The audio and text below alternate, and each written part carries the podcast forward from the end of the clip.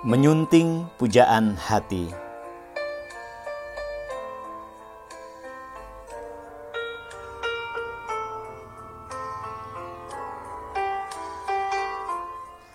Brook di akhir bulan Februari 1963, skuter kesayangan Wardiasa tiba-tiba oleng, lalu terperosok ke pinggir jalan. Tubuhnya tidak mampu menahan keseimbangan, malah ikut jatuh bersama motornya. Refleks, tangannya menahan tubuh yang terjerembab. Namun karena tengah melaju, telapak dan lengannya bergoresan dengan batu-batu beraspal. Darah merembes dari kulit yang lecet, meski kondisinya tidak parah. Entah karena kecapean, mengantuk, atau terlalu banyak beban yang dipikirkan, Wardiasa tidak ingat bagaimana proses yang begitu cepat itu terjadi. Yang diingatnya, ia sudah tergeletak bersama skuternya di pinggir jalan raya antara Jogja ke Bumen. Untung saja jalanan tengah sepi kendaraan besar yang melintas. Mungkinkah karena dirinya melanggar tradisi? Akal sehat Wardiasa segera menepis kemungkinan itu. Ne arep rabi, kui ora usah kakehan lungo, masih terngiang pesan ayahnya, Warnen Harjowibowo, beberapa hari lalu. Warnen mewanti-wanti Wardiasa untuk tidak perlu repot-repot keluar rumah mengurusi persiapan pernikahannya. Dalam tradisi Jawa, 40 hari menjelang pernikahan tabu bagi calon pengantin untuk keluar rumah, apalagi perjalanan jauh. Biarkan urusan persiapan pernikahan ditangani pihak keluarga calon pengantin. Jangan-jangan karena saya melanggar tradisi. Lagi-lagi Wardiasa ragu, tapi buru-buru ia kembali meyakinkan dirinya bahwa kecelakaan kecil di akhir Februari itu hanya kebetulan semata. Wardiasa sebetulnya ingin mematuhi tradisi turun-temurun dan pesan ayahnya. Tapi keadaanlah yang memaksanya untuk masih warawiri dari Jogja ke rumah calon mertuanya di Kebumen hingga beberapa hari menjelang pernikahan. Ia merasa terpanggil untuk membantu calon ibu mertuanya, Sucinah Suwondo.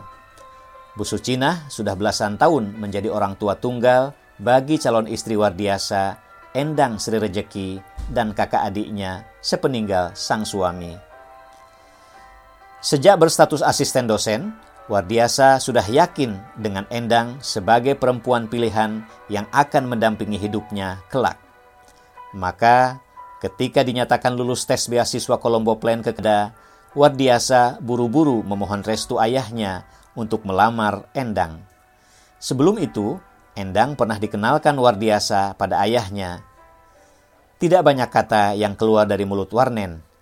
Yowis, ya cocok. Hanya itu tanpa ekspresi berlebihan di wajah ayahnya. Tapi jawaban singkat itu sudah lebih dari cukup bagi Wardiasa. Beberapa hari menjelang keberangkatan ke Kanada, Wardiasa mengantar ayahnya melamar Endang di Kebumen. Pertunangan sederhana itu meyakinkan hati Wardiasa untuk giat belajar di negeri orang dengan harapan segera kembali ke tanah air dan menyunting perempuan pujaannya di pelaminan. Selama Wardiasa di Kanada, Endang juga melanjutkan studinya di jurusan Teknik Kimia UGM. Ada rasa bangga saat tunangan, yang satu akan sekolah di Kanada, satunya lagi di Jogja, kata Wardiasa. Tidak terasa, dua tahun lebih berlalu, Wardiasa pun telah diangkat sebagai dosen tetap pada jurusan Teknik Kimia UGM. Endang juga sedang membuat tugas akhir. Tekad Wardiasa makin bulat untuk memadu ikatan pernikahan dengan Endang, merajut mimpi-mimpi dan mewujudkannya bersama Endang dalam biduk rumah tangga. Dua keluarga akhirnya menyepakati hari dan tanggal pernikahan. Persiapan segera dihelat dengan anggaran seminim mungkin. Gaji Wardiasa sebagai dosen muda tidak cukup untuk membiayai sebuah pesta pernikahan. Karena tidak ingin membebani orang tuanya, Wardiasa hanya mengandalkan sisa tabungan selama dua tahun kuliah di Kanada. Itu pun tetap saja kurang, dan terpaksa Wardiasa meminta Endang merelakan mesin jahit kesayangannya untuk dijual. Suatu hari nanti kita akan mendapatkan kembali mesin jahit oleh-oleh dari Kanada itu, kata Wardiasa meyakinkan Endang. Mesin jahit yang jadi andalan Endang kini berpindah tangan. Endang yang biasa hidup prihatin tidak banyak menuntut, bahkan dengan senang hati membantu meringankan beban calon suaminya. Dan di hari Minggu yang cerah itu, 10 Maret 1963, Wardiasa dan Endang menjadi raja dan ratu sehari. Wardiasa mengucapkan ikrar pernikahan, sebuah tekad untuk mengarungi hidup dalam suka dan duka bersama wanita pujaan hatinya, Endang Sri Rejeki. Resepsi pernikahan digelar di gedung bioskop Widodo di Kebumen. Wardiasa belum genap berusia 26 tahun, menyunting Endang yang tiga tahun lebih muda.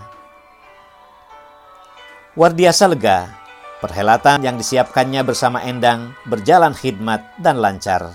Meski ia masih merasakan perih di lengannya, nyeri pada luka bekas jatuh dari motor Vespa.